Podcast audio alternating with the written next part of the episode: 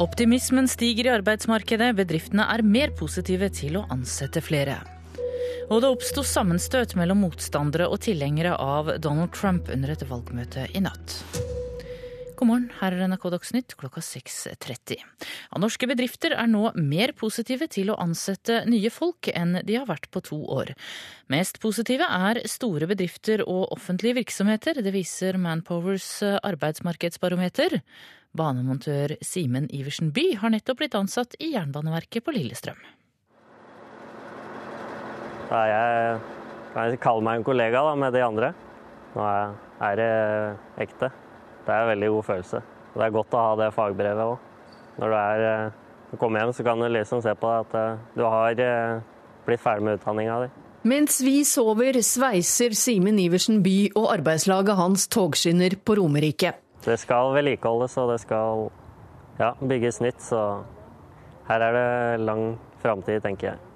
Og norske arbeidsgivere planlegger bemanningsøkning i årets tre siste måneder, ifølge Manpowers arbeidsmarkedsbarometer. Det er fortsatt en nøktern optimisme å spore, men likevel, det er det mest positive arbeidsmarkedsbarometeret vi har sett i løpet av de siste to årene. Og Det vi ser i dette barometeret, er at det er de største bedriftene, de med flere enn 250 ansatte, som nå er de mest optimistiske. Og Det er et nytt tegn, fordi de siste kvartalene så har de vært de mest negative. Og når de store bedriftene begynner å si at de skal ansette, så er det viktig for arbeidslivet generelt. Det sa konsernsjef Målfrid Bratt i Manpower, reporter Hedvig Bjørgum. Så til den amerikanske valgkampen. See now, the Ja, demonstranter avbrøt Donald Trump flere ganger under et valgmøte i Nord-Carolina i natt, og en Trump-supporter slo til en av demonstrantene som ble ført vekk. Sammenstøt oppsto da flere unge mennesker ble eskortert bort av sikkerhetsvaktene ved arenaen i Asheville, der møtet ble holdt, og det er ikke klart om noen ble skadd i sammenstøtet. Det har vært en trafikkulykke på E6 sør for Oslo, og veien inn mot hovedstaden er helt stengt. Ulykken skjedde mellom avkjøringen Vestby nord og Korsegården. Fem biler var innblandet i ulykken. Det er trolig ikke snakk om alvorlige personskader, og det er omkjøring via gamle Mossevei, opplyser politiet i Follo. Temperaturen i deler av Storbritannia kan komme opp i 32 grader i dag, det høyeste nivået i september på over 55 år. Også i Norge er årets september varmere enn vanlig. Meteorologisk institutt har varslet at temperaturen kan komme over 25 grader i dag. NRK Dagsnytt, Tone Nordahl.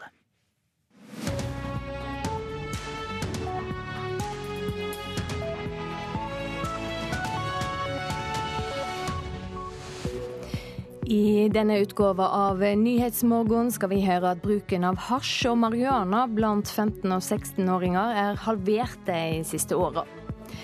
Nå skal fagfolk lære mer for å hjelpe barn som står bak overgrep mot eh, andre barn. Og det har vært mange redningsaksjoner ved Trolltunga i det siste. Røde Kors mener arbeidet med å sikre området går for seint. Forfatteren Roald Dahl har skremt mange. Sjøl var han redd for at leserne skulle kjede seg.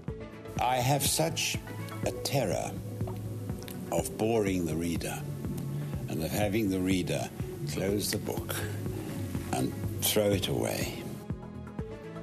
I dag er det 100 år siden han ble født. Det markerer vi selvsagt her i Nyhetsmorgen. Riktig god morgen i studio, Silje Sande. Cannabisbruken blant 15-16-åringer er halvert siden årtusenskiftet. Det syner undersøkelser Folkehelseinstituttet har gjort. De vanligste rusmidlene fra cannabis er marihuana og hasj.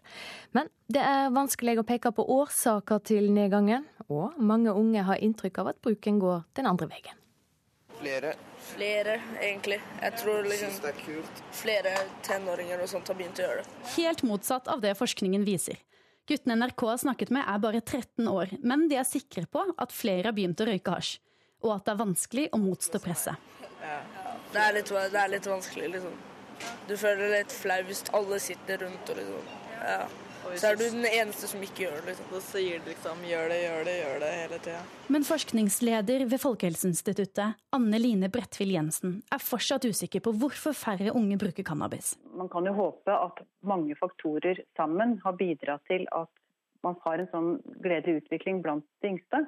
Eh, at større forståelse, mindre generasjonskonflikter, flinkere barnehager til å plukke opp de ungene som sliter tidlig, så tidlig som mulig. Flinkere lærere.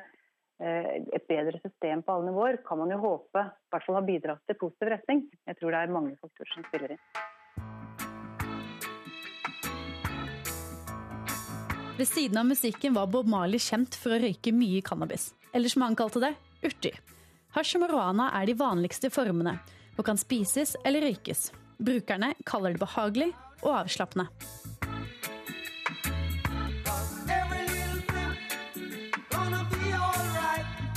Stoffet er forbudt i Norge, og forskerne advarer mot bruk pga. psykose og andre mulige ettervirkninger.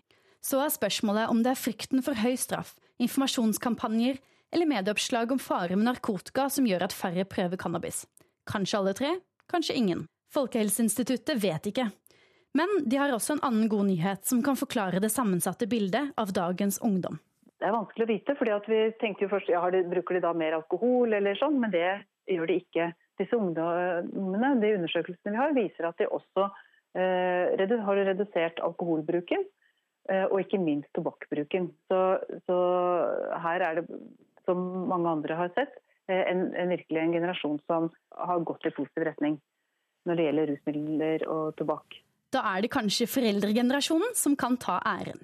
Men de voksne selv står stabilt på bruken av rusmidler, og bør kanskje lære litt av 15- og 16-åringene. Når vi ser på voksenbefolkninga, så, så ser, vi, ser, vi, ikke den samme nedgangen. Men vi ser heller ikke en stor økning. Altså det har vært en ganske stabil utvikling over tid blant voksne. Det er ikke noe jeg har lyst til å prøve akkurat. Reportasjen var laga av Bjørn Atle Gildestad og Sunniva Skjeggestad. Unge overgripere blir nå tema på timeplan ved Høgskolen i Østfold. Det er blitt skrevet mye om barn og unge som har ei skadelig seksuell atferd, og barn som står for overgrep mot andre barn. Førsteamanuensis ved høgskolen, Kåre Togny Pettersen, forteller at målet er å få fagpersoner til å tørre å se, for å kunne gi unge overgripere den hjelpa de trenger. Å våge å se, altså ha øynene oppe og se at her er det barn som faktisk kan ha en skadelig seksuell aktivitet overfor andre barn. Eh, det tenkte vi ikke før. Altså, det er fantasien vår på en måte som hindrer oss i å se virkeligheten. Vi tror det er uh, menn som begår overgrep mot små barn. Kvinner begår overgrep mot barn aha, det var en ny aha-opplevelse for oss. Nå ser vi gjennom forskning og erfaringsbasert kunnskap at over en tredjedel, kanskje opptil halvparten av overgrepssakene som er registrert, er begått av barn og unge. Og det må vi gjøre noe med. På Høgskolen i Østfold står derfor temaet unge overgripere i høst på timeplanen. Og drahjelp i undervisningen får de fra Sykehuset Østfold. Psykologspesialist Christian Lunde Hansen er med i et tverrfaglig team som i fjor ble opprettet for å hjelpe nettopp unge overgripere. Han ser at det er mye som har endret seg for barn og unge de siste årene. Vi ser vi har en del overgrep som foregår gjennom sosiale medier, hvor man ikke møter overgriperen, men man blir presset til å legge ut ting av seg selv. Eh, bilder som blir tatt som blir videreformidlet, hvor vedkommende som tar bilder, faktisk eh, formidler barnepornografi. Så lenge det er av barn under 16 år. Vi ser eh, høy grad av bruk av pornografi for barn ned i andre-tredje klasse på barneskolen. Og vi tenker at deres forståelse for konsekvenser av de handlingene, den er liten og dårlig. At opptil 50% av overgrepene mot barn virkelig begås av andre barn og unge, kan være vanskelig å fatte. Og konsekvensene for de som begår overgrepene kan være svært store, forteller psykologspesialisten. Vi treffer jo familier i, i akutte kriser eh, når disse overgrepene har blitt kjent. Eh, og ofte så ser vi jo at det der eh, handler om overgrep mellom søsken. Når høyskolen nå setter tema på timeplanen, så er det som en del av en videreutdanning, forteller førsteamanuensis Kåre Torgny Pettersen. Det er fagpersoner som jobber med barn og unge, som skal lære mer om unge overgripere. Eh, og dette er noe barnevernspedagoger, sykepleiere osv. kan svært lite om fra skolen. Faktisk, Vi har ikke noe undervisning om det hele tatt i utdanningene våre. Hvordan vi skal forholde oss til barn som har et slik skadelig seksuell aktivitet. Hva er, eh, hva er målet, hva er det dere ønsker til slutt? Vi ønsker at eh, folk skal åpne øynene sine for eh, barn og unge som trenger hjelp. Vi ønsker både å spre kunnskap om dette til studentene våre, og at det skal føre til mer hjelp til de som trenger det. Det sa Kåre Togny Pettersen ved Høgskolen i Østfold til reporter Heidi Gomnes. Tallet på overnattinger i Odda i Hordaland er dobla fra juli i fjor til i år. Det viser ferske tall fra Statistikknett. Sammen med den økte turismen til området er det blitt flere redningsaksjoner for å redde folk som har villet gå til den spektakulære fjellformasjonen Trolltunga. Arbeidet med å sikre dette fjellområdet går for seint. Det mener Lars Atle Skorpen i Røde Kors i Hordaland. Tiltakene må tenkes litt lenge på. Eh, og utålmodigheten vokser hos eh, våre frivillige. Til nå i år har Rødekosten hatt 28 redningsaksjoner på Trolltunga, mot fire aksjoner i fjor. Mange av oppdragene skyldes turister som ikke har godt nok forberedt på den lange og harde turen. Flere tryggingstiltak er nå på plass, men mye står igjen. Skorpen tror mange involverte parter gjør at tiltakene kommer for treigt. I løpet av én uke kunne vi ha fiksa alle utfordringer knytta til eh, søk- og redningsaksjoner i Trolltunga-området, hvis vi ville. Nå tar det litt lengre tid, for det er mange parter som skal eh, være med. Vi i Røde Kors vi vil ha fiksa dette her med en gang, og vi trykker på de knappene vi kan. og Så får vi se hvor fort det kan gå. 28 redningsaksjoner er lite sett opp mot de 100 000 besøkende på Trolltunga i løpet av 2016. Men flere aksjoner kunne vært unngått. Derfor må tiltak på plass, bl.a. god nok informasjon til turistene. Det jobber vi aktivt med. Det gjør ikke minst også Odda kommune, og ikke minst også Røde Kors. Eh, men det er viktig å sette ting litt i et perspektiv. Man kan ikke få den typen vekst eh, helt uten at det er noen konsekvenser. Og så er målet rett og slett å begrense de konsekvensene så mye som absolutt mulig. Det sa direktør Christian Jørgensen i Fjord Norge til reporter Mai Helen Rolfsnes. Så skal vi ta en kikk på dagens aviser. Helseminister Bent Høie får kritikk for å bagatellisere bakterieproblem, skriver Nasjonen. Eksperter på bakteriesmitte etterlyser ei kraftigere advaring mot farer knyttet til antibiotikaresistente bakterier i utlandet. Hans Olav Syversen vil ha en norsk gransking av lågprisselskapet Ryanair. KrF-politikeren ber, sammen med YS og Parat, skattestyresmaktene sjekke om flyselskapet har betalt det det skal av skatter og avgifter til Norge. Det skriver Dagsavisen.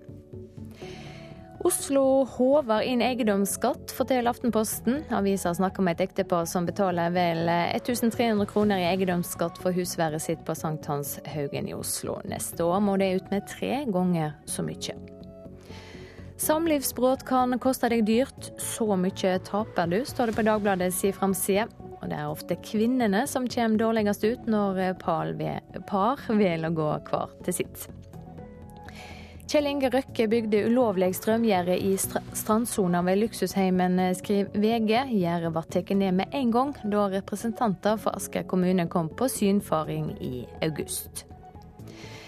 Inkassorekningene strømmer mot musikktjenester Tidal. Eieren JC, som kjøpte norske Vimp, tapte en kvart milliard kroner bare i fjor, forteller Dagens Næringsliv. Klassekampen skriver om eh, Forsvarets langtidsplan. Ekspertene i Forsvarets forskningsinstitutt rådde i fjor regjeringa til å kutte i Hæren.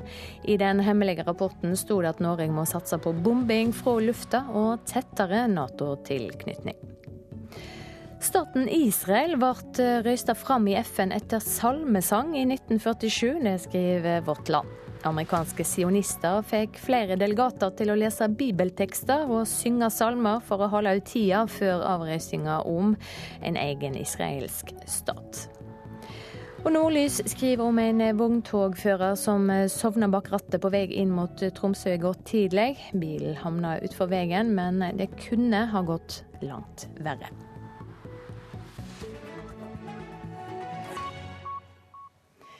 Så skal vi ha sport. Den nye hovedsponsoren til hopplandslaget vil kjempe for å få til ei hoppveke for kvinner. Og det liker det norske laget særs godt. Det neste vi må jobbe med, det er at de også får seg egen hoppuke i Norge. LO og leder Gerd Kristiansen er ikke bare hopplandslagets nye hovedsponsor. De vil også jobbe for en egen hoppuke for kvinner. Eh, vi har mange virkemidler for å gjøre det, så vi kommer til å jobbe for både jentene og guttene. Og det tas godt imot blant de norske jentene. Det er kjempepositivt. Det er noe vi eh, egentlig drømmer om alle sammen her. Så i forhold til det så er det et stort eh, skritt i riktig retning for jenta. Men det er ikke bare Line Jahr som liker tanken. Sportssjef Claes Brede Bråten sier ideen var å lage den norske hoppuka som kommer til vinteren i en egen kvinneversjon også, men at det ikke lot seg gjøre.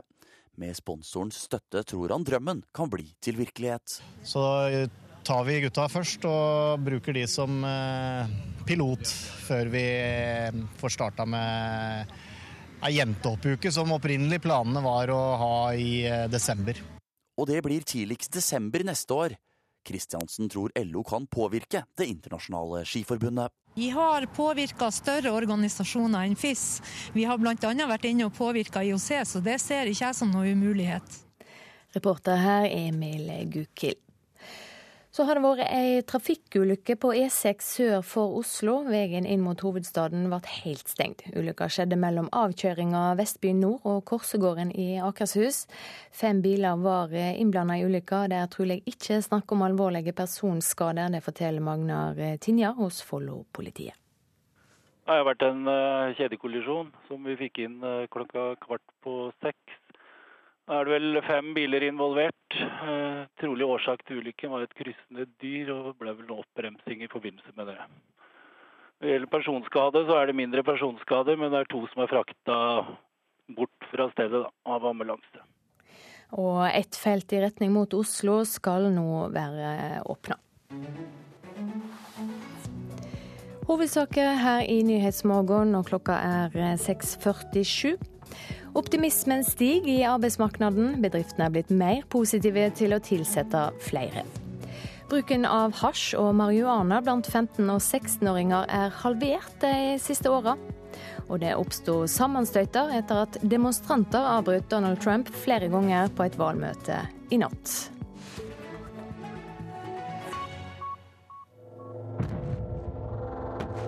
What kind monster are you? Please don't eat me. You think because I'm a giant that I'm a man goblin cannibal. I'm going to call you BFG.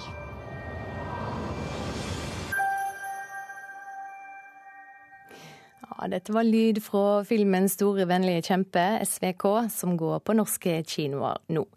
Mannen bak historien, Roald Dahl, har fascinert flere generasjoner med nettopp menneskeetende kjemper, hekser, magisk medisin og ikke minst Willy Wonkas gigantiske sjokoladefabrikk. I dag ville den britiske forfatteren, som hadde foreldre fra Norge, ha fylt 100 eh, år. Og forfatter og litteraturkritiker eh, Mette Hofsødegård med fra studio i Tønsberg. Hva er det som gjør at stadig nye generasjoner eh, med unger fryder seg over disse historiene? Eh, det tror jeg er flere ting. Det er eh, at Roald Dahl har et eh, stort fantasiunivers. Veldig evne til, til lek. Og så vrir han på ting, sånn at det kommer overraskelser. Og så er det også veldig ofte i historien hans er det et sånn tydelig moralsk univers. Og det liker barn veldig ofte. Og så har mange overdrivinger og groteske karaktertrekk. Hvordan fungerer det? Altså, en overdreven måte å se verden på, det er jo veldig mange barns måte å se verden på. Sånn at når man ser en kjempestor eh, nese hos en gammel dame, eller noen som sikrer vakler I, I, den virkelige verden da, så er det, det er liksom barnets blikk, og det har Roald Dahl overført til bøkene sine og overdrevet i veldig stor grad. Sånn at det blir veldig sånn groteskt og overdrevet. Og det er mange barn som de, de, de dras mot overdrivelse framfor å normalisere verden eller mennesker. da. Vi har også med oss eh, Petter Wallas, sjef for eksterne produksjoner i NRK og film- og TV-produsent. Du kom tett på Roald Dahl, og det, er også i slekt langt ute. Hvordan var han? Han var jo en fascinerende personlighet. En som tok stor plass. Både som forfatter, selvfølgelig, men òg som menneske. Og det var han hadde et magnetfelt når han kom inn i rommet rundt seg, og var nok veldig opptatt av å, å ta den plassen, eh, tenker jeg. Eh, han var en eh, Han holdt samtaler alltid godt i gang. Han var jo en, en mann som elsket måltidet. Og vi hadde, jeg var jo med på, et, en god del måltider hjemme hos ham i Gypsy House i, i Storbritannia. Og det var jo en det var fascinerende opplevelser. Man slappet ikke av ved bordet når Roald Dahl satt ved enden. Vi hørte før i sendinga at Dahl sier at han frykta at leseren skulle legge vekk boka. Eh, det var henta fra et intervju du gjorde med han i 1985. Tror du det er derfor han går så mye lenger enn mange andre forfattere? Ja, han var livredd for, eh, for, å kjede både som forfatter, men jeg tror òg som, som, menneske. Eh, han, eh, han, var veldig opptatt av å, å, formulere seg på en måte som, som sikra at publikum var med hele tiden. Jeg tror jo noe av styrken som forfatter var jo nettopp det at han hadde et fokus, fokus utover til leseren. Han selv, leste jo selv veldig mye, men, men han ville sikre at, eh, at, publikum hang med. Og vi må jo ikke glemme at han startet jo som voksenforfatter. Eh, og, eh, og anså jo i utgangspunktet seg sjøl som å være det først og fremst, før han fikk denne, for ham òg, ganske uventede suksessen som barnebokforfatter. Vi skal høre slutten av lydboka 'Danny og fasanjakta' fra Lydbokforlaget. Stemma tilhører Terje Strømdal. Og du en viktig melding til alle barn som har lest denne boka. Når du blir stor og får dine egne barn, må du prøve å huske noe som er fryktelig viktig. Kjedelige foreldre er ikke moro i det hele tatt.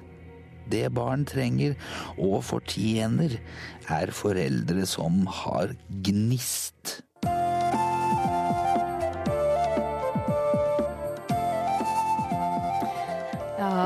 Hoff Sødegård, kjedelige foreldre er ikke noe særlig, altså. Hva eh, er grunnen til at mange voksne i Dahls bøker er nokså dumme, tror du? Altså, jeg, jeg, tror at det Roald Dahl ønsket å si oss med dette her med at barnet må ha gnist, og at eh, foreldre, de fortjener foreldre som har gnist, det er at, de, at, han ønsket så inderlig at barn skulle på en måte kunne stå i verden eh, med livsmot og styrke og en, slags motstandskraft med alt det man trenger, eh, både den gangen og han vokste opp, og ikke like, my like mye i dag. Altså på en måte at eh, ikke individualiteten skulle trues. Det blir, det blir min tolkning av det, da. Og at han hadde en aldri så liten moralsk pekefinger til oss der. Ja, han følte, tenker jeg, at eh, barn eh, kunne snakke med uten filter. De hadde eh, De la aldri, eh, la aldri skjul på hva de mente, og det, der følte han seg hjemme. For sånn snakket han jo selv også. Han, eh, når han snakket med, med, voksne mennesker, og for så vidt med barn, så, eh, så sa han det han mente. hvis det var noen han ikke likte, så var det veldig tydelig at han ikke likte dem, og motsatt. Og jeg tror at han beundret dette i barn. Eh, han snak, snakket jo òg mye om at han, eh, at han, følte seg som et barn, og som, eh, som voksen. Og det var jo tider og anledninger hvor man kanskje følte at det var nettopp det han gjorde, oppførte seg som et barn. Ja, det blir sagt at Dahl skriver med et nedifra og opp-perspektiv. Kan det være noe av forklaringa på suksessen med barnebøkene, Hov Sødegård? Ja, det tror jeg. Jeg tror det er eh, sant, disse autoritetene som får gjennomgå. Og det er jo det som jeg tenker også er eh, er eh, barnebok, gode barnebokforfatteres genialitet. Da. Det er at de klarer å lagre den følelsen av hvordan det har vært å være et barn, og så bruker de den aktivt i et kunstnerskap og når de skriver historier. Så her, her sparkes det absolutt til og det, er, og det er barnets blikk hele tiden. Barnets blikk, barnets blikk. Men han hatet jo pompøsitet uh, på, på, alle måter, og, uh, og, gikk alltid løs på det, både i bøkene sine og ellers.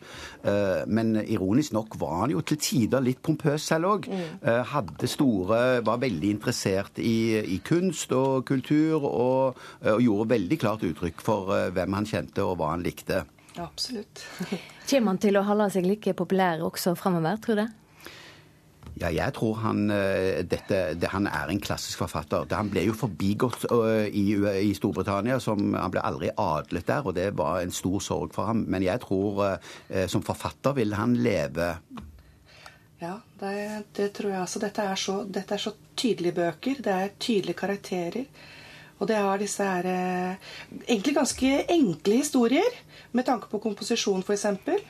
Men det er noe litt sånn evig eventyraktig ved, ved det som jeg tror vil stå. Mm. Takk for at dere var med i Nyhetsmorgen, Mette Hoff Sødegård og Petter Wallas.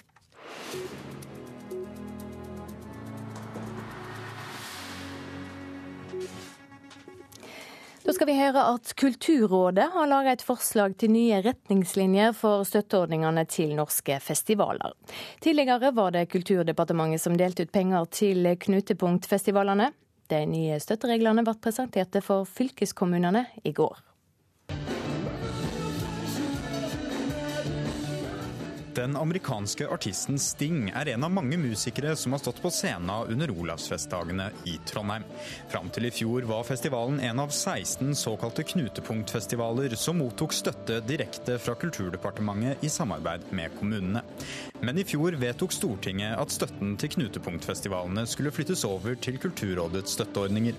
Og på et møte med flere kommuner i går la Kulturrådet fram et helt nytt forslag til en støtteordningsmodell for landets festivaler, fordelt på tre ulike tidsforløp. Vi ser på en differensiert ordning hvor vi kan eh, kanskje gi en langvarig støtte på opp mot fem år til noen festivaler. Andre på tre år, og andre kanskje på bare ett år av gangen. Det sier Tone Hamsen, direktør i Kulturrådet.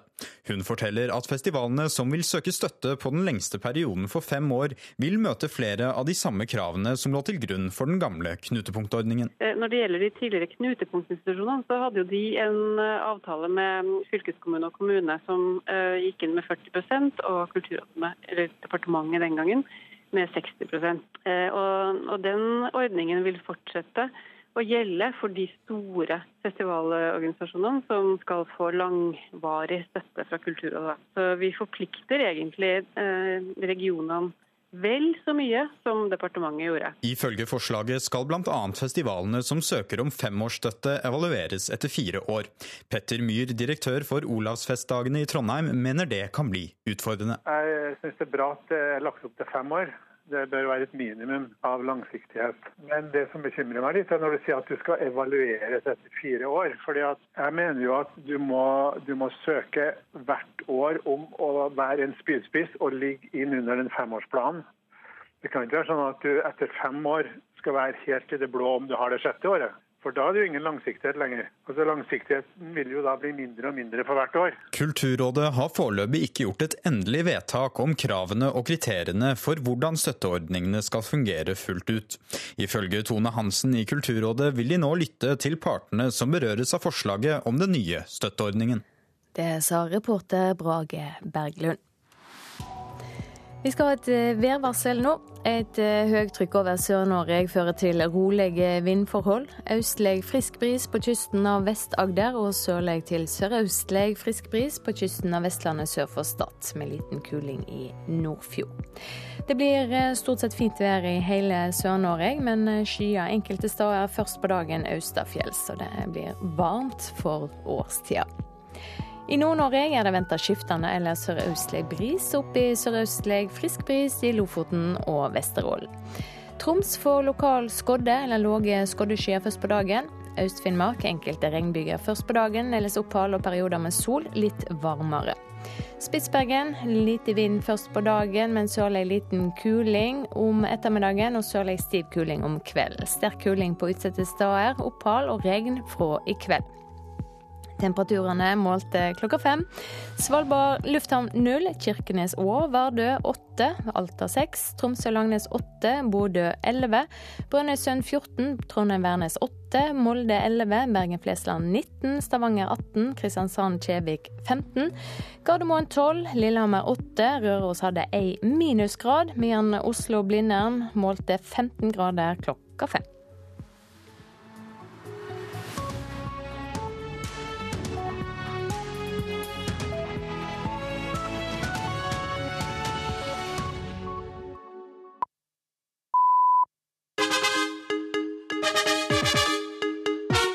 Hello, welcome to Newsday from the BBC World Service with Paul Hawkins and Tom Hagler. Today, Syria's ceasefire. Will it hold and will the humanitarian aid uh, get through? We'll go live to the Turkish border town of Gaziantep to hear from one of those hoping to deliver that aid.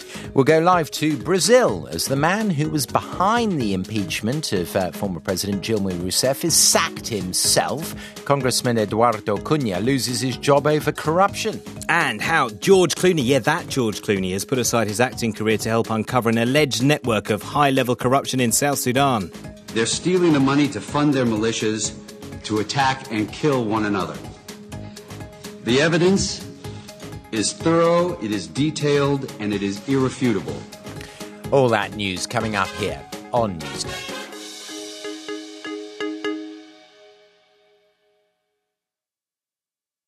Hello, I'm Justine Green with the BBC News.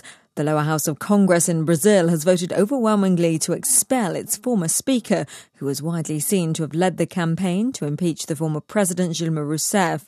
Eduardo Cunha has been accused of taking millions of dollars in bribes. From Rio de Janeiro, here's Wara Davis.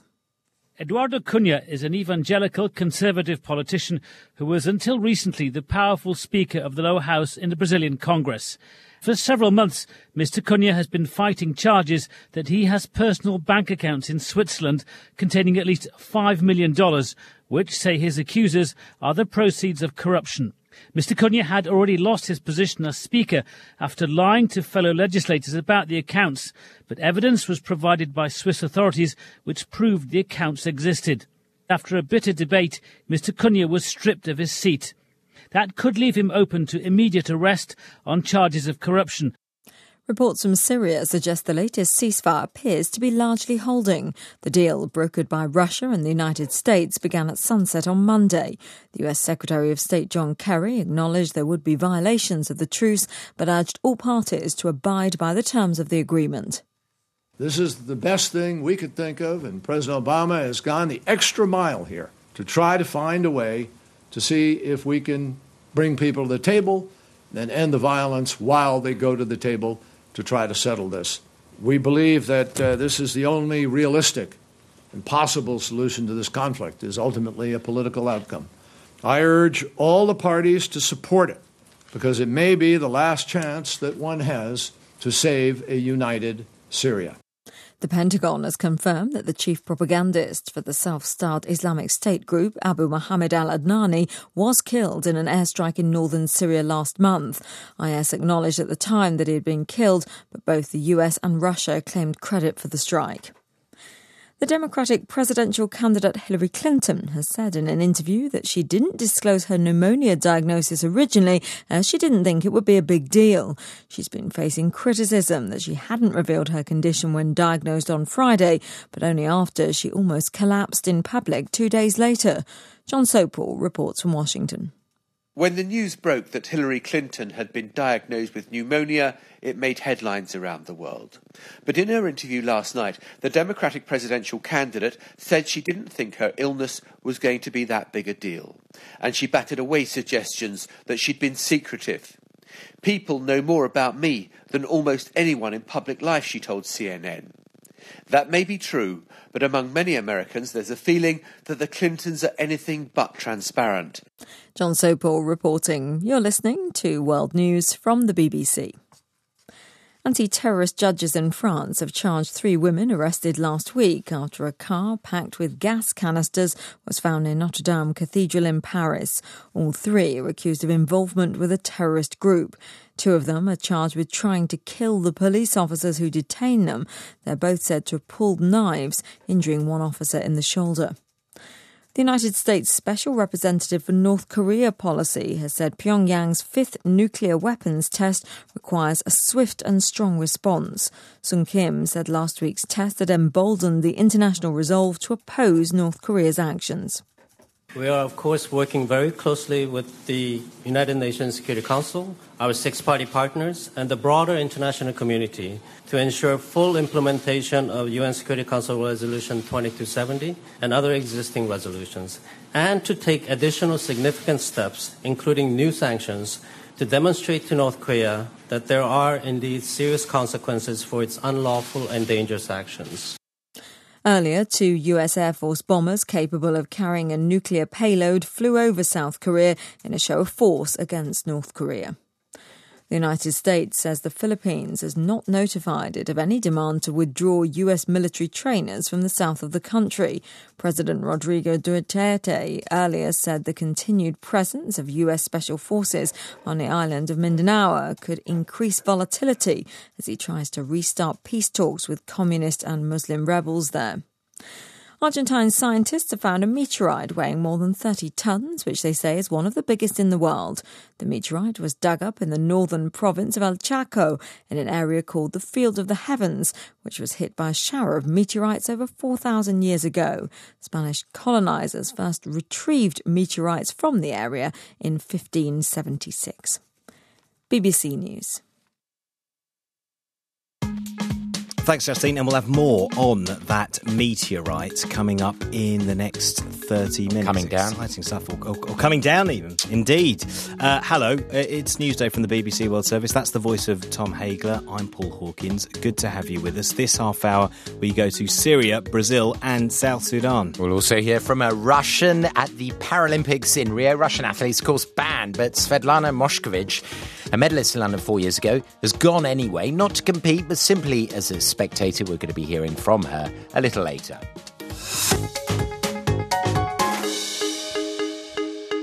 But let's start in Syria, where a temporary truce between the government and the rebels is now uh, almost, uh, in fact, it's just over 12 hours old. The question is how long will it last? For humanitarian groups, it's an opportunity to get aid to the worst affected towns where people have been starving to death. Let's go live to the Turkish border town of Gaziantep and talk to Ahmed Mahmoud, head of Mission Syria for the aid organisation uh, Islamic Relief. Uh, Ahmed, uh, welcome to Newsday. Uh, first of all, I just wanted to try and clarify the situation with regards to the ceasefire. We've heard uh, sporadic reports of explosions and gunfire. We've been saying it's largely holding. Is that what you're hearing? Yes, uh, thank you very much for this opportunity and good morning to you and your audience. Uh, regarding the ceasefire, it's uh, just over 12 hours now since it started, but uh, there are several issues uh, concerning uh, access and, and, safety of civilians. Uh, regarding uh, it is holding, but there are several violations reported by our uh, operations inside Syria in several locations in northern Syria and also in the south. on the other hand, there are still no clear idea about how this access will be maintained for humanitarian uh, uh, reasons to besieged areas. There was some uh, speech about about Aleppo in particular, but there's around 600,000 people outside Aleppo in besieged areas, and uh, not not mentioned at all in this uh, in this ceasefire. For us as an organization working in Syria since four years now. Uh, we are hoping for the best, but preparing for the worst. actually, this is the not, not the first ceasefire. I don't think it will be the last. Uh, and, and, and there are several issues concerning this uh, ceasefire agreement that is really worrying, especially that it didn't include all parties uh, within this very difficult crisis. At the same time, it didn't include all locations. This is something that we were always asking for, that protection of civilians in all locations should be maintained. Now, there is a, a criteria within this ceasefire that they can continue and, and, and uh, military activity will continue in specific locations targeting specific groups. And this, in the in the past, uh, caused huge humanitarian impact, huge displacement, and huge uh, uh deaths. And uh, at the same time, we are facing this this crisis, and these are the days of Eid in Syria. These are the days in Eid where Muslims should be happy within these days. But uh, unfortunately, yesterday we had more than 20 people uh, died and, and, over the last few weeks we're having every day 50 mm. to hmm. 70 people dying mostly civilians mostly women mostly children ahmed you, you said you don't think you, you, said this is this isn't the first ceasefire it won't be the last it doesn't sound like you're confident this is going to hold we are not optimistic at all, absolutely, because the same uh, issues that happened with the previous ceasefire happened this time. As I mentioned, not all parties uh, within this mm. crisis have agreed to this. At the same time, not all locations. We still have uh, uh hazy locations said to be targeted in the future by various uh, uh, parties within this conflict, okay. within this crisis. And, and, at the same time, this in the, in the, in the previously in, in history has caused huge displacement because there's no defined locations for these military activities to continue. Okay, just quickly, can you give us an idea of, of kind of the aid that you've got ready to, to go and whether you think it may actually reach those people on Tuesday?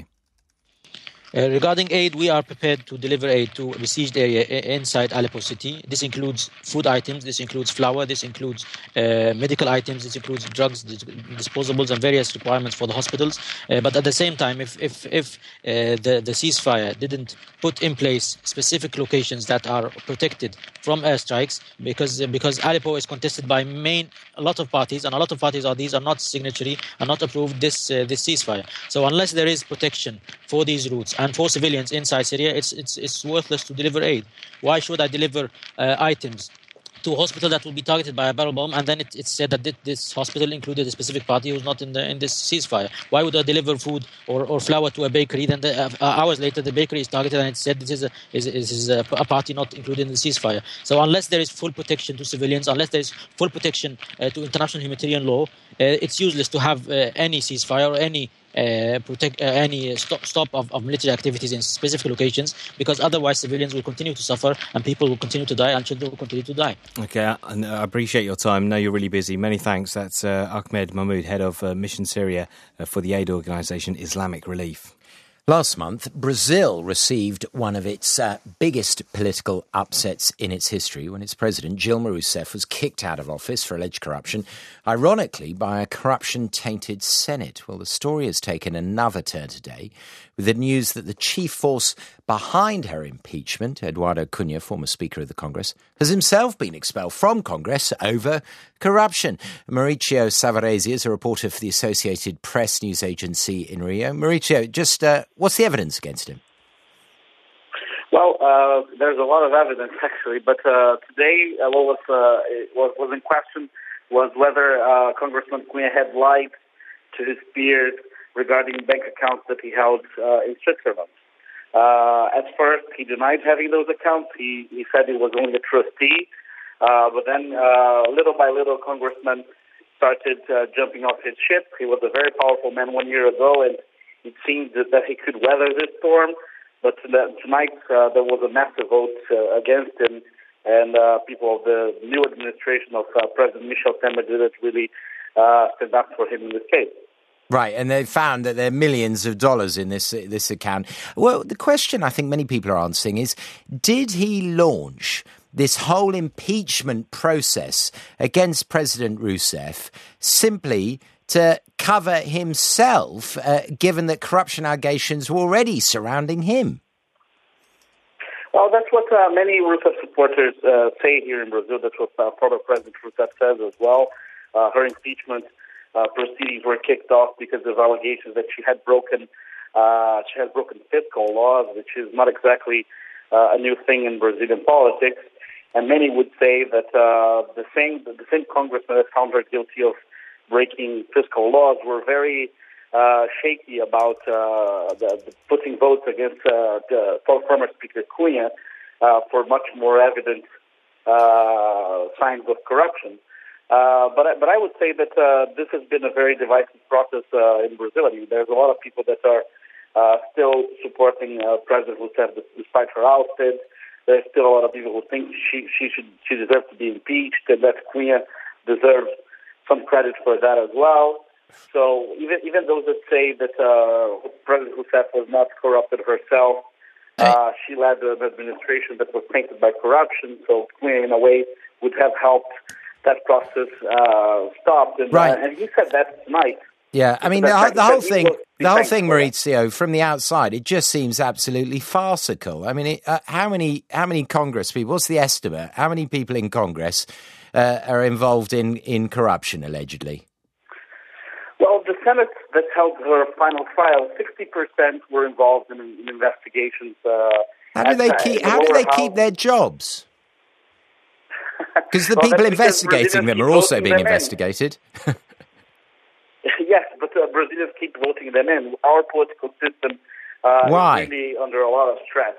And uh, it is it is because we have 35 or 36 political parties. Uh, their financing is basically uh, made by very big corporations. There's very little uh, representation in the in the votes, to be honest, and uh, there, there's been flaws detected for decades. And some of these congressmen keep repeating themselves in office. They they stand for office for decades, and they keep get really, getting reelected. So it seems that uh, because of this huge political crisis, Brazil is going to do a lot of soul searching until the 2018 presidential elections, and some of this is going to be present in the mayoral elections that we're going to have in October this year. So Okay. uh, it's going to be very interesting. All right, we're going to have to leave it there. Thanks ever so much, uh, Maurizio, joining us there from Rio. The president of South Sudan and his rival, the former vice president, got rich from the country's civil war while their people suffered.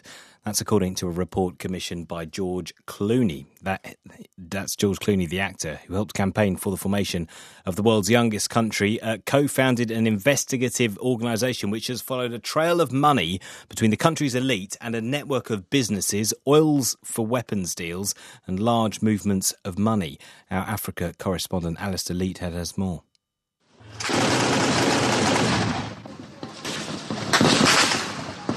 Civil war has torn the world's youngest country apart. Two and a half million people have been forced from their homes. Millions more need food aid. For nearly three years, a fallout between President Salva Kiir and former Vice President Riek Machar has led to ethnic based violence, and terrible atrocities have been committed by both sides. So this press conference today is a culmination of a two-year undercover investigation. Now, an investigative unit backed by George Clooney has linked the men to the money. The simple fact is they're stealing the money to fund their militias to attack and kill one another. The evidence is thorough, it is detailed, and it is irrefutable. It involves arms dealers, international lawyers, international banks, international real estate. The investigative unit set up by the actor and activist John Prendergast is called the Sentry. This war is about rival factions of a kleptocratic network trying to gain control over the state. J.R. Maley is the report's author. We're talking everything from airlines to banks, oil companies, mining companies, casinos. It, it seems that a, a very small number of people control a large swath of South Sudan's economy. Many of these people are also the people that are in power. The report alleges dodgy business deals and nepotism, that President Salva Kiir's wife and at least seven of his children are linked to a whole range of businesses. It says his 12 year old son had a 25% share in a holding company, and it claims his brother in law's business supplied fuel to the military while he was a senior officer. Author J.R. Maley again. It appears that Riek Machar has been involved in similar types of engagements. He had been engaged in negotiations to sell the country's oil production uh, for defense products, for weapons, in order to fuel his rebellion. The report says that top politicians and generals in South Sudan, despite their low salaries, have luxury villas in Uganda, Ethiopia, and Australia. And that here in Nairobi, both Salva Kiir and Riek Machar have homes in the same upscale neighbourhood. South Sudan became independent in 2011. Publicity generated by George Clooney helped pressure the US government to push Sudan towards the peace deal, which ended decades of war, led to a referendum on self determination, and eventually independence, with Salva Kiir as president. A happy day like this should not dwell on the bad memories. But it didn't take long for political rivalry to divide the country. I think at the beginning, in the late 2000s, the South Sudanese political elite were the good guys. They were the people who'd been supported by the Americans. They were given very much a, a free pass in terms of their behavior. Alex Duval is the executive director of the World Peace Foundation. He says George Clooney and John Prendergast were close to the leadership of South Sudan, but have switched to being critical. Both for Prendergast and for Clooney, it would be quite valid to criticise them for not having stood up. They were allowing the, the South Sudanese to get away with human rights abuses and with corruption, with uh, reckless political and military behaviour at a time when judicious criticism and calling them to account could have been very much more effective. A tentative peace deal was shattered in July when fighting erupted outside State House. We are calling on all the population to respect ceasefire. But that didn't happen. Fighting escalated. Riek Machar fled Juba and was eventually rescued by the UN from a national park in the Democratic Republic of Congo. That report by Alistair Leithhead. Let's find out the latest sport then. Joe Parsons, what's been happening at the Paralympics? Well, there were mixed emotions for one of the United States top sprinters in Rio. Hunter Woodall took silver in the men's T44 200 metres for amputees, finishing behind New Zealand's Liam Malone. Earlier, Woodall thought he'd won gold in the relay, but his team were then disqualified. The gold then went to Germany. Tunisia's Wally Katila retained his T34 100 metres wheelchair title, while in the swimming pool, Britain's 21 year old Ellie Simmonds won 200 metres individual medley gold for the third successive Games, breaking her own world record. In football, Everton's Belgian international Romelu Lukaku scored a hat trick in the space of 11 minutes to earn his side a 3 0 win at Sunderland.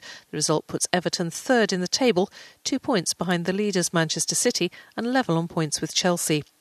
And in golf, the world number seven, Bubba Watson, looks to have missed out on a wild card place in the American team to take on Europe at the Ryder Cup in Hazeltine in Minnesota later this month. The United States captain Davis Love has named Ricky Fowler, J.B. Holmes, and Matt Kuchar as his first three wild card picks, with a final place to be decided just days before the event. Joe, thank you. Joe Parsons back with more uh, on the Paralympics in 25 minutes. Speaking of which, uh, difficult to find Russians who are over there because, of course, their athletes were banned from taking part in the Games. It all came about after details emerged of a state sponsored doping program in Russia. Well, one of those who was set to defend her uh, bronze medal she won in London four years ago was the hand cyclist. Svetlana Moscovich. But after the ban, of course, uh, she had no chance of competing. She did go to Rio, though, not as an athlete, but as a spectator. And she told Mani Djazmi how that makes her feel.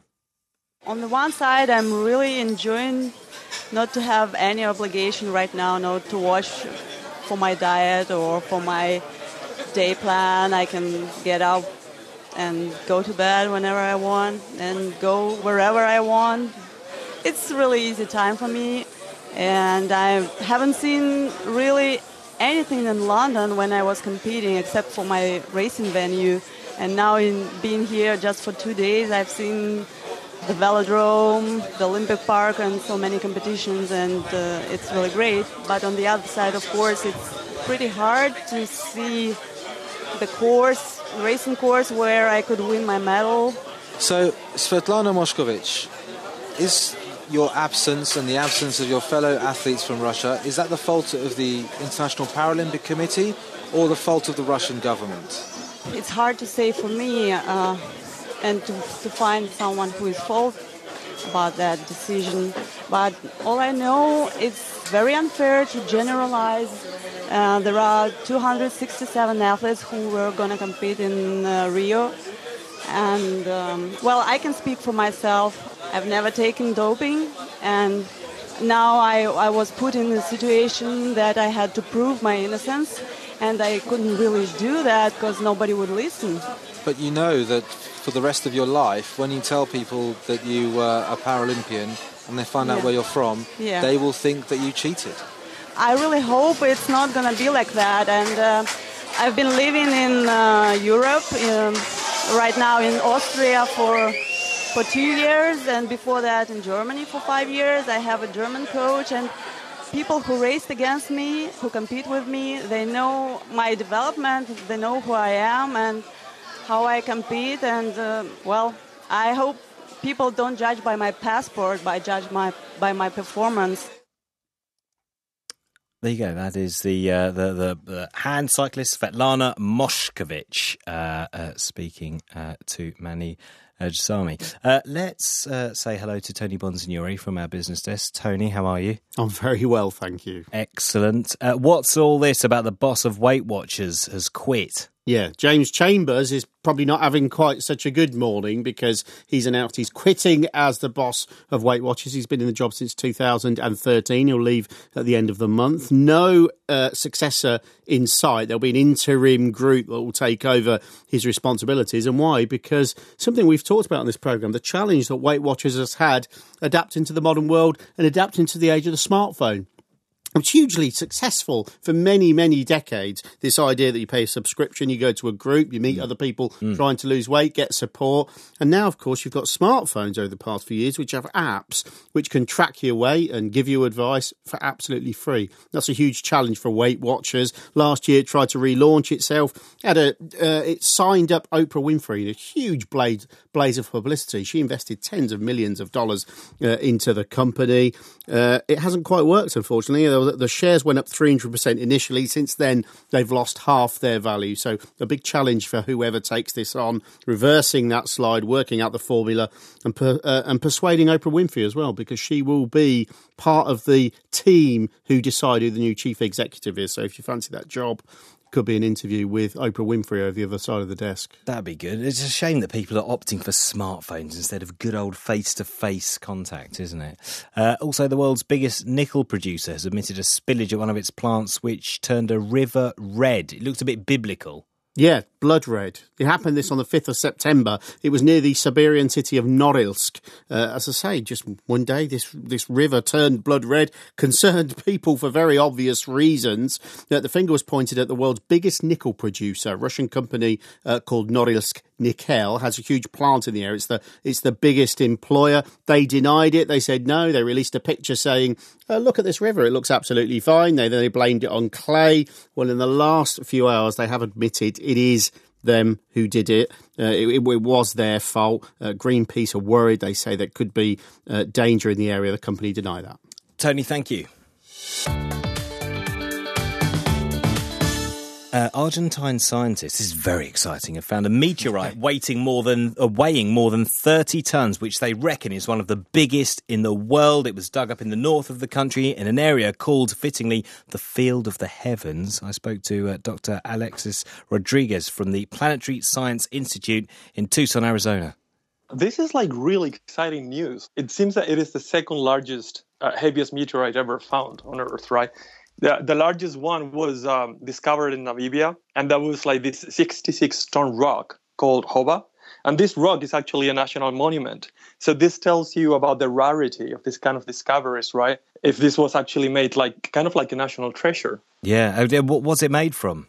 It's a metallic meteorite, so it's mainly composed of iron and nickel, and that's why it's so heavy. Tell us about this area, Al Chaco and the Field of the Heavens. It can't be coincidence it's called that in this, and you've got this yeah. discovery, right?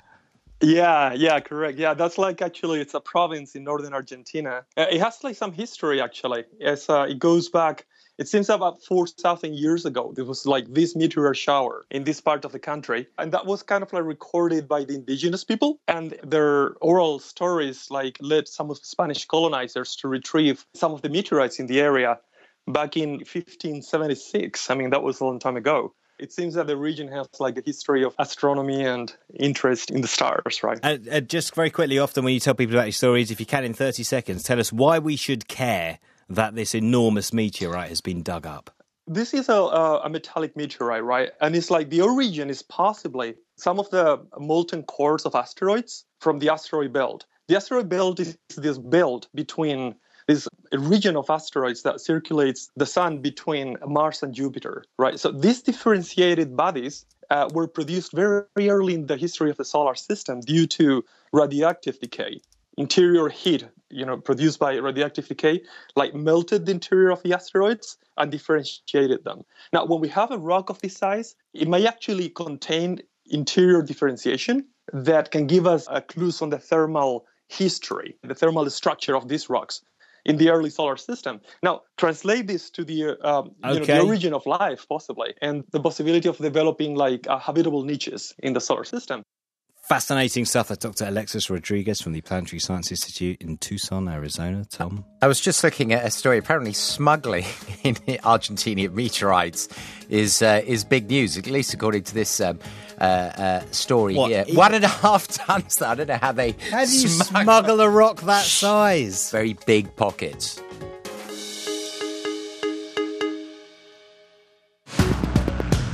John Donison is in Perth. Here's Ben Lowings. Phil Mercer has more. Andrew Harding reports. Lise Doucette reports from Kabul. Richard Hamilton reports. Martin Patience reports. Hør BBC World Service hver kveld og natt i Alltid nyheter. BBC News.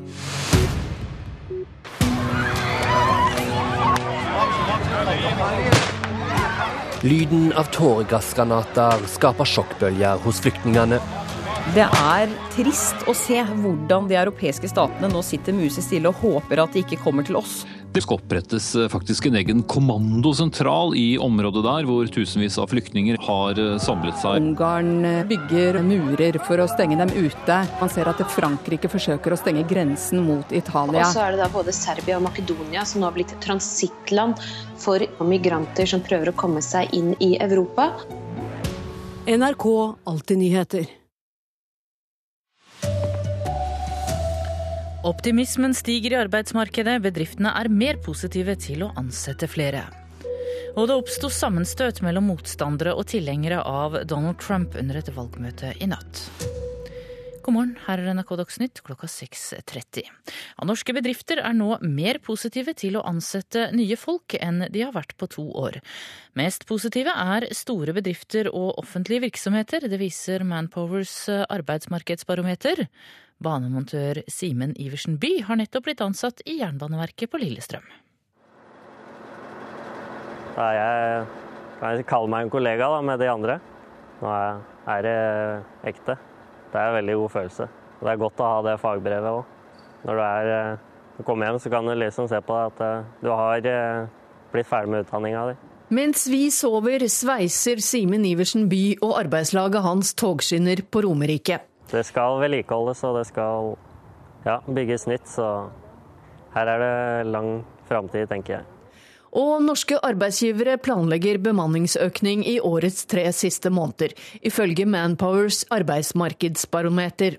Det er fortsatt en nøktern optimisme å spore, men likevel, det er det mest positive arbeidsmarkedsbarometeret vi har sett i løpet av de siste to årene.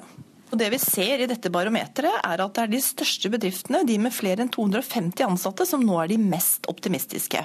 Og Det er et nytt tegn, fordi de siste kvartalene så har de vært de mest negative. Og Når de store bedriftene begynner å si at de skal ansette, så er det viktig for arbeidslivet generelt. Det sa konsernsjef Målfrid Bratt i Manpower, reporter Hedvig Bjørgum. Så til den amerikanske valgkampen. See now, the dishonest Ja, demonstranter avbrøt Donald Trump flere ganger under et valgmøte i Nord-Carolina i natt, og en Trump-supporter slo til en av demonstrantene som ble ført vekk. Sammenstøt oppsto da flere unge mennesker ble eskortert bort av sikkerhetsvaktene ved arenaen i Asheville, der møtet ble holdt, og det er ikke klart om noen ble skadd i sammenstøtet. Det har vært en trafikkulykke på E6 sør for Oslo, og veien inn mot hovedstaden er helt stengt. Ulykken skjedde mellom avkjøringen Vestby nord og Korsegården. Fem biler var innblandet i ulykken. Det er trolig ikke snakk om alvorlige personskader, og det er omkjøring via gamle Mossevei, opplyser politiet i Follo. Temperaturen i deler av Storbritannia kan komme opp i 32 grader i dag, det høyeste nivået i september på over 55 år. Også i Norge er årets september varmere enn vanlig. Meteorologisk institutt har varslet at temperaturen kan komme over 25 grader i dag. NRK Dagsnytt, Tone Nordahl.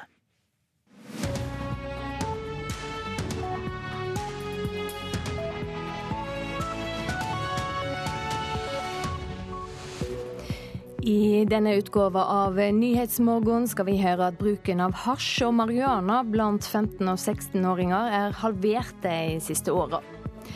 Nå skal fagfolk lære mer for å hjelpe barn som står bak overgrep mot andre barn.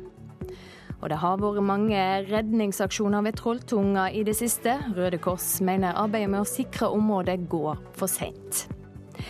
Forfatteren Roald Dahl har skremt mange. Sjøl var han redd for at leserne skulle kjede seg. I have such a terror of boring the reader and of having the reader close the book and throw it away. I dag er det 100 år siden han ble født. Det markerer vi selvsagt her i Nyhetsmorgen. Riktig god morgen i studio, Silje Sande. Cannabisbruken blant 15-16-åringer er halvert siden årtusenskiftet. Det syner undersøkelser Folkehelseinstituttet har gjort. De vanligste rusmidlene fra cannabis er marihuana og hasj. Men det er vanskelig å peke på årsaker til nedgangen, og mange unge har inntrykk av at bruken går den andre veien. Flere. Flere, egentlig. Jeg tror liksom flere tenåringer og sånt har begynt å gjøre det. Helt motsatt av det forskningen viser. Guttene NRK har snakket med er bare 13 år, men de er sikre på at flere har begynt å røyke hasj, og at det er vanskelig å motstå presset. Ja. Det, er litt, det er litt vanskelig, liksom. Du føler deg litt flau hvis alle sitter rundt og liksom ja.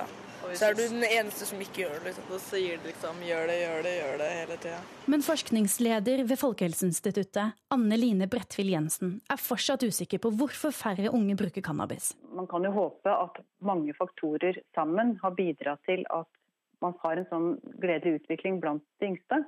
Eh, at større forståelse, mindre generasjonskonflikter, flinkere barnehager til å plukke opp de ungene som sliter tidlig, så tidlig som mulig. Flinkere lærere. Eh, et bedre system på alle nivåer kan man jo håpe i hvert fall har bidratt til positiv retning. Jeg tror det er mange faktorer som spiller inn. Ved siden av musikken var Bob Marley kjent for å røyke mye cannabis. Eller som han kalte det, urter. Hasj og marihuana er de vanligste formene, og kan spises eller røykes. Brukerne kaller det behagelig og avslappende.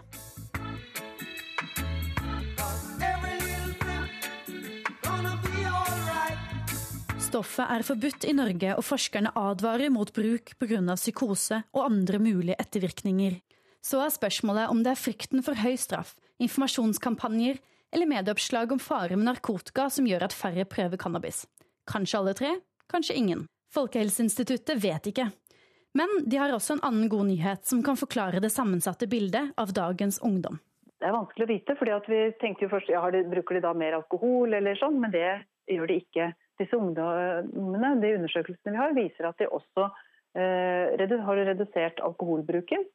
Eh, og ikke minst tobakkbruken. Så, så, her er det, som mange andre har sett, eh, en, en virkelig en generasjon som har gått i positiv retning når det gjelder rusmidler og tobakk. Da er det kanskje foreldregenerasjonen som kan ta æren. Men de voksne selv står stabilt på bruken av rusmidler, og bør kanskje lære litt av 15- og 16-åringene.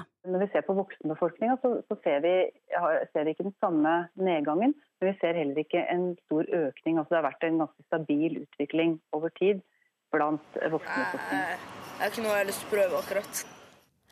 Reportasjen var laga av Bjørn Atle Gildestad og Sunniva Skjeggestad. Unge overgripere blir nå tema på timeplan ved Høgskolen i Østfold.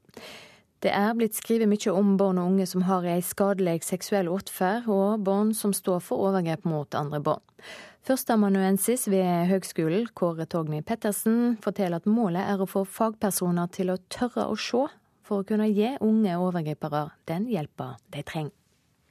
Å våge å se, altså ha øynene oppe og se at her er det barn som faktisk kan ha en skadelig seksuell aktivitet overfor andre barn. Eh, det tenkte vi ikke før. Altså, det er fantasien vår på en måte som hindrer oss i å se virkeligheten. Vi tror det er uh, menn som begår overgrep mot uh, små barn. Kvinner begår overgrep mot uh, barn aha, det var en ny aha-opplevelse for oss.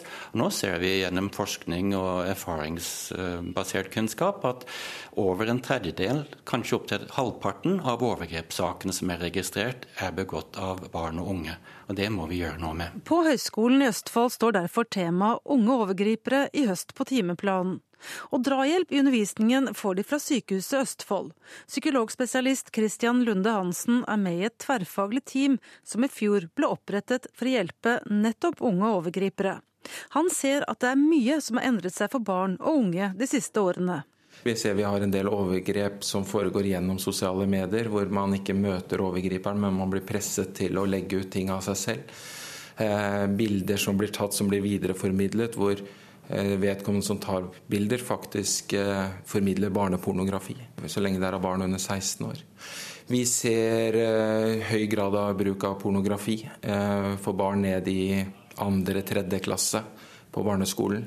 Og vi tenker at deres forståelse for konsekvenser av de handlingene, den er liten og dårlig.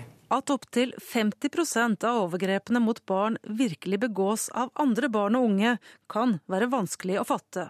Og konsekvensene for de som begår overgrepene kan være svært store, forteller psykologspesialisten. Vi treffer jo familier i, i akutte kriser eh, når disse overgrepene har blitt kjent. Eh, og ofte så ser vi jo at det der eh, handler om overgrep mellom søsken. Når høyskolen nå setter tema på timeplanen, så er det som en del av en videreutdanning, forteller førsteamanuensis Kåre Torgny Pettersen. Det er fagpersoner som jobber med barn og unge, som skal lære mer om unge overgripere. Eh, og dette er noe barnevernspedagoger, sykepleiere osv. kan svært lite om fra skolen. Faktisk, Vi har ikke noe undervisning om det hele tatt i utdanningene våre. Hvordan vi skal forholde oss til barn som har et slik skadelig seksuell aktivitet. Hva er, eh, hva er målet, hva er det dere ønsker til slutt? Vi ønsker at eh, folk skal åpne øynene sine for eh, barn og unge som trenger hjelp. Vi ønsker både å spre kunnskap om dette til studentene våre, og at det skal føre til mer hjelp til de som trenger det. Det sa Kåre Togny Pettersen ved Høgskolen i Østfold til reporter Heidi Gomnes. Tallet på overnattinger i Odda i Hordaland er dobla fra juli i fjor til i år. Det viser ferske tall fra Statistikknett. Sammen med den økte turismen til området er det blitt eh, flere redningsaksjoner for å redde folk som har villet gå til den spektakulære fjellformasjonen Trolltunga. Arbeidet med å sikre dette fjellområdet går for seint. Det mener Lars Atle Skorpen i Røde Kors i Hordaland. Tiltakene må tenkes eh, litt lenge på. Eh, og utålmodigheten vokser hos eh, våre frivillige. Til nå i år har Røde Krossen hatt 28 redningsaksjoner på Trolltunga, mot fire aksjoner i fjor. Mange av oppdragene skyldes turister som ikke har godt nok forberedt på den lange og harde turen. Flere tryggingstiltak er nå på plass, men mye står igjen. Skorpen tror mange involverte parter gjør at tiltakene kommer for treigt. I løpet av én uke kunne vi ha fiksa alle utfordringer knytta til eh, søk- og redningsaksjoner i Trolltunga-området, hvis vi ville. Nå tar det litt lengre tid, for det er mange parter som skal eh, være med. Vi i Røde Kors vi vil ha fiksa dette her med en gang, og vi trykker på de knappene vi kan. og Så får vi se hvor fort det kan gå. 28 redningsaksjoner er lite sett opp mot de 100 000 besøkende på Trolltunga i løpet av 2016. Men flere aksjoner kunne vært unngått. Derfor må tiltak på plass, bl.a. god nok informasjon til turistene. Det jobber vi aktivt med. Det gjør ikke minst også Odda kommune, og ikke minst også Røde Kors. Eh, men det er viktig å sette ting litt i et perspektiv. Man kan ikke få den typen vekst eh, helt uten at det er noen konsekvenser. Og så er målet rett og slett å begrense de konsekvensene så mye som absolutt mulig. Det sa direktør Christian Jørgensen i Fjord Norge til reporter Mai Helen Rolfsnes. Så skal vi ta en kikk på dagens aviser. Helseminister Bent Høie får kritikk for å bagatellisere bakterieproblem, skriver Nasjonen. Eksperter på bakteriesmitte etterlyser ei kraftigere advaring mot farer knyttet til antibiotikaresistente bakterier i utlandet. Hans Olav Syversen vil ha en norsk gransking av lågprisselskapet Ryanair. KrF-politikeren ber, sammen med YS og Parat, skattestyresmaktene sjekke om flyselskapet har betalt det det skal av skatter og avgifter til Norge. Det skriver Dagsavisen. Oslo håver inn eiendomsskatt, forteller Aftenposten. Avisa snakker om et ektepar som betaler vel 1300 kroner i eiendomsskatt for husværet sitt på Sankthanshaugen i Oslo. Neste år må det ut med tre ganger så mye. Samlivsbrudd kan koste deg dyrt. Så mye taper du, står det på Dagbladets framside. Og det er ofte kvinnene som kommer dårligst ut når par velger å gå hver til sitt.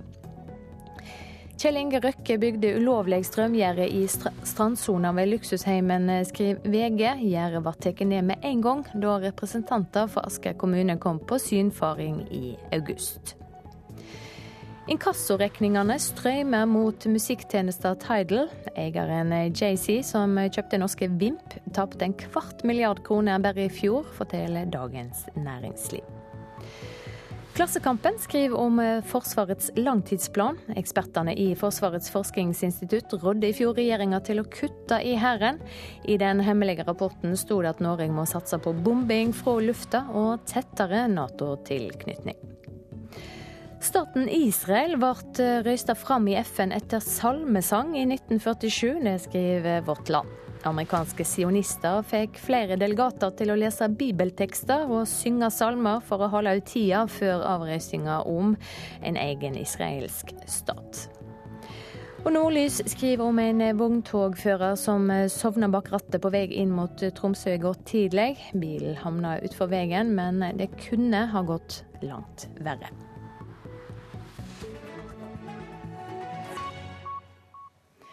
Så skal vi ha sport. Den nye hovedsponsoren til hopplandslaget vil kjempe for å få til ei hoppveke for kvinner. Og det liker det norske laget særs godt. Det neste vi må jobbe med, det er at de også får seg egen hoppuke i Norge. LO og leder Gerd Kristiansen er ikke bare hopplandslagets nye hovedsponsor. De vil også jobbe for en egen hoppuke for kvinner. Eh, vi har mange virkemidler for å gjøre det, så vi kommer til å jobbe for både jentene og guttene. Og det tas godt imot blant de norske jentene. Det er kjempepositivt. Det er noe vi eh, egentlig drømmer om alle sammen her. Så i forhold til det, så er det et stort eh, skritt i riktig retning for jenta. Men det er ikke bare Line Jahr som liker tanken. Sportssjef Claes Brede Bråten sier ideen var å lage den norske hoppuka som kommer til vinteren i en egen kvinneversjon også, men at det ikke lot seg gjøre. Med sponsorens støtte tror han drømmen kan bli til virkelighet. Så tar vi gutta først og bruker de som eh, pilot før vi eh, får starta med ei jentehoppuke som opprinnelig planene var å ha i eh, desember. Og det blir tidligst desember neste år. Kristiansen tror LO kan påvirke Det internasjonale skiforbundet. Vi har påvirka større organisasjoner enn FIS. Vi har bl.a. vært inne og påvirka IOC, så det ser ikke jeg som noe umulighet. Reporter her Emil Gukild. Så har det vært ei trafikkulykke på E6 sør for Oslo. Veien inn mot hovedstaden ble helt stengt. Ulykka skjedde mellom avkjøringa Vestby nord og Korsegården i Akershus. Fem biler var innblanda i ulykka. Det er trolig ikke snakk om alvorlige personskader. Det forteller Magnar Tinja hos Follo-politiet. Det har vært en eh, kjedekollisjon som vi fikk inn eh, klokka kvart på seks. Da er det vel fem biler involvert. Eh, trolig årsak til ulykken var et kryssende dyr, og ble vel noe oppbremsing i forbindelse med det. Når det gjelder personskade, så er det mindre personskade, men det er to som er frakta bort fra stedet da, av ambulanse. Og ett felt i retning mot Oslo skal nå være åpna. Hovedsaker her i Nyhetsmorgen, og klokka er 6.47. Optimismen stiger i arbeidsmarkedet. Bedriftene er blitt mer positive til å tilsette flere.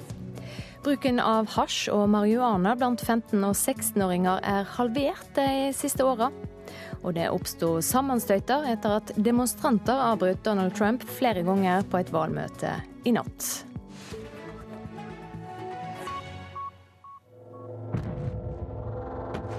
What kind of a monster are you? Please don't eat me. You think because I'm a giant that I'm a man goblin cannibal. I'm going to call you BFG.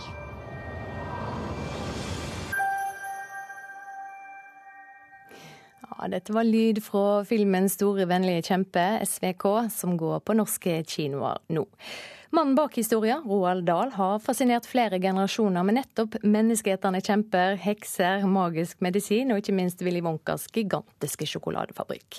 I dag ville den britiske forfatteren, som hadde foreldre fra Norge, ha fylt 100 eh, år. Og forfatter og litteraturkritiker eh, Mette Hofsødegård med fra studio i Tønsberg. Hva er det som gjør at stadig nye generasjoner eh, med unger fryder seg over disse historiene? Eh, det tror jeg er flere ting. Det er eh, at Roald Dahl har et eh, stort fantasiunivers. Veldig evne til, til lek. Og så vrir han på ting, sånn at det kommer overraskelser. Og så er det også veldig ofte i historien hans er det et sånn tydelig moralsk univers. Og det liker barn veldig ofte. Og så har han mange overdrivinger og groteske karaktertrekk. Hvordan fungerer det? Altså, en overdreven måte å se verden på, det er jo veldig mange barns måte å se verden på. Sånn at når man ser en kjempestor eh, nese hos en gammel dame, eller noen som sikrer sant, I, I, den virkelige verden, da, så er det, det er liksom barnets blikk, og det har Roald Dahl overført til bøkene sine, og overdrevet i veldig stor grad. Sånn at det blir veldig sånn groteskt og overdrevet. Og det er mange barn som de, de, de dras mot overdrivelse framfor å normalisere verden eller mennesker, da. Vi har også med oss eh, Petter Wallas, sjef for eksterne produksjoner i NRK og film- og TV-produsent. Du kom tett på Roald Dahl, og det er også i slekt langt ute. Hvordan var han? Han var jo en fascinerende personlighet. En som eh, tok eh, stor plass. Både som forfatter, selvfølgelig, men òg som menneske. Og det var han hadde et eh, magnetfelt eh, når han kom inn i rommet rundt seg, og var nok veldig opptatt av å, å mm, ta den plassen, tenker jeg. Han var en Han holdt samtaler alltid godt i gang. Han var jo en, en mann som elsket måltidet. Og vi hadde, jeg var jo med på et, en god del måltider hjemme hos ham i Gypsy House i, i Storbritannia. Og det var jo en det var fascinerende opplevelser. Man slappet ikke av ved bordet når Roald Dahl satt ved enden. Vi hørte før i sendinga Dahl si at han frykta at leseren skulle legge vekk boka. Eh, det var henta fra et intervju du gjorde med han i 1985. Tror du det er derfor han går så mye lenger enn mange andre forfattere? Ja, han var livredd for, uh, for, å kjede både som forfatter, men jeg tror òg som, som, menneske. Uh, han, uh, han, var veldig opptatt av å, å, formulere seg på en måte som, som sikra at publikum var med hele tiden. Jeg tror jo noe av styrken hans som forfatter var jo nettopp det at han hadde et fokus, fokus utover til leseren. Han selv, leste jo selv veldig mye, men, men han ville sikre at, eh, at, publikum hang med. Og vi må jo ikke glemme at han startet jo som voksenforfatter. Eh, og, eh, og anså jo i utgangspunktet seg sjøl som å være det først og fremst, før han fikk denne, for ham òg, ganske uventede suksessen som barnebokforfatter. Vi skal høre slutten av lydboka 'Danny og fasanjakta' fra Lydbokforlaget. Stemma tilhører Terje Strømdal. Og du en viktig melding til alle barn som har lest denne boka. Når du blir stor og får dine egne barn, må du prøve å huske noe som er fryktelig viktig. Kjedelige foreldre er ikke moro i det hele tatt. Det barn trenger og fortjener, er foreldre som har gnist.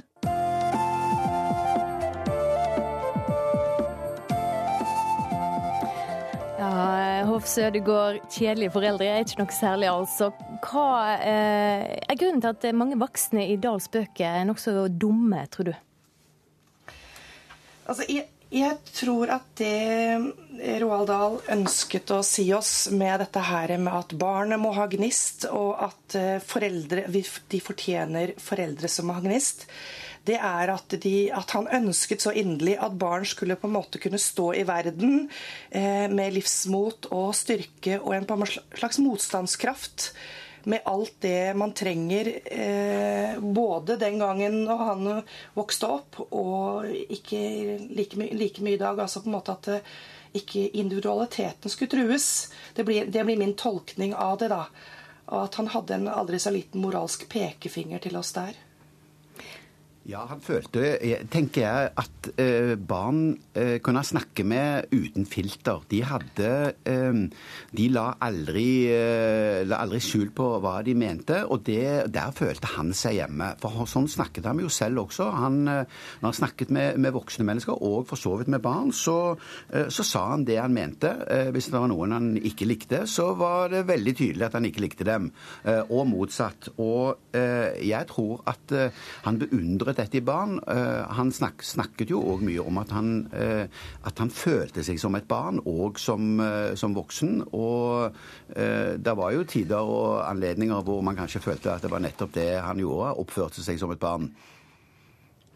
Ja, det blir sagt at Dahl skriver med et nedifra og opp-perspektiv. Kan det være noe av forklaringa på suksessen med barnebøkene, Hofse Sødegård? Ja, det tror jeg. Jeg tror det er eh, sant, disse autoritetene som får gjennomgå. Og det er jo det som jeg tenker også er eh, er eh, barnebok, gode barnebokforfatteres genialitet. Da, det er at de klarer å lagre den følelsen av hvordan det har vært å være et barn, og så bruker de den aktivt i et kunstnerskap og når de skriver historier.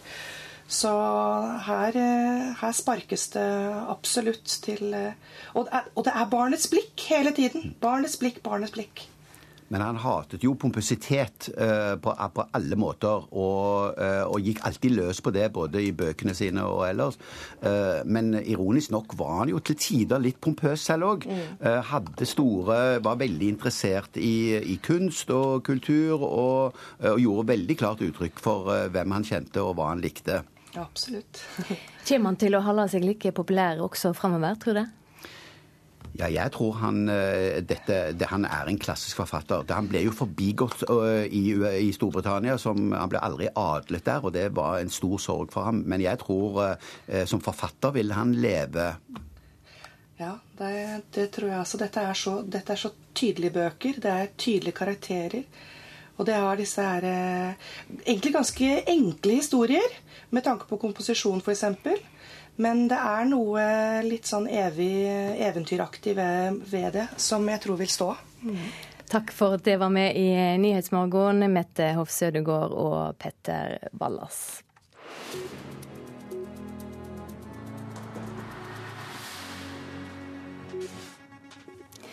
Da skal vi høre at Kulturrådet har laget et forslag til nye retningslinjer for støtteordningene til norske festivaler. Tidligere var det Kulturdepartementet som delte ut penger til knutepunktfestivalene. De nye støttereglene ble presentert for fylkeskommunene i går. Den amerikanske artisten Sting er en av mange musikere som har stått på scenen under Olavsfestdagene i Trondheim. Fram til i fjor var festivalen en av 16 såkalte knutepunktfestivaler som mottok støtte direkte fra Kulturdepartementet i samarbeid med kommunene. Men i fjor vedtok Stortinget at støtten til knutepunktfestivalene skulle flyttes over til Kulturrådets støtteordninger.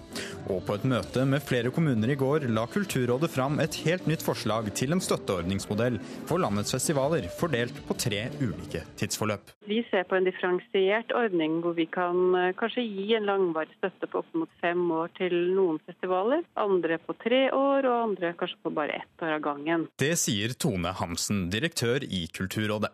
Hun forteller at festivalene som vil søke støtte på den lengste perioden for fem år, vil møte flere av de samme kravene som lå til grunn for den gamle knutepunktordningen. Eh, når det gjelder de tidligere knutepunktinstitusjonene, så hadde jo de en eh, avtale med fylkeskommune og kommune kommune som uh, gikk inn med 40% og departementet den gangen, med 60 uh, eh, og, og den ordningen vil fortsette å gjelde for de store festivalorganisasjonene som skal få langvarig støtte fra Kulturrådet. Så vi forplikter egentlig eh, regionene vel så mye som departementet gjorde. Ifølge forslaget skal bl.a. festivalene som søker om femårsstøtte evalueres etter fire år. Petter Myhr, direktør for Olavsfestdagene i Trondheim, mener det kan bli utfordrende. Jeg syns det er bra at det er lagt opp til fem år. Det bør være et minimum av langsiktighet. Men det som bekymrer meg litt, er når du sier at du skal evalueres etter fire år. fordi jeg mener jo at du må, du må søke hvert år om å være en spydspiss og ligge inn under den femårsplanen. Det kan ikke være sånn at du etter fem år skal være helt i det blå om du har det sjette året. For da er det jo ingen langsiktighet lenger. Altså Langsiktigheten vil jo da bli mindre og mindre for hvert år. Kulturrådet har foreløpig ikke gjort et endelig vedtak om kravene og kriteriene for hvordan støtteordningene skal fungere fullt ut. Ifølge Tone Hansen i Kulturrådet vil de nå lytte til partene som berøres av forslaget om den nye støtteordningen.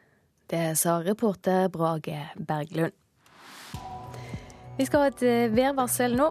Et høyt høytrykk over Sør-Norge fører til rolige vindforhold. Østlig frisk bris på kysten av Vest-Agder, og sørlig til sørøstlig frisk bris på kysten av Vestlandet sør for Stad, med liten kuling i Nordfjord. Det blir eh, stort sett fint vær i hele Sør-Norge, men skyer enkelte steder først på dagen østafjells, og det blir varmt for årstida. I Nord-Norge er det venta skiftende eller sørøstlig bris, opp i sørøstlig frisk bris i Lofoten og Vesterålen. Troms får lokal skodde eller lave skoddeskyer først på dagen. Øst-Finnmark enkelte regnbyger først på dagen, ellers opphold og perioder med sol, litt varmere. Spitsbergen lite vind først på dagen, men sørlig liten kuling om ettermiddagen og sørlig stiv kuling om kvelden. Sterk kuling på utsatte steder, opphold og regn fra i kveld. Temperaturene målte klokka fem.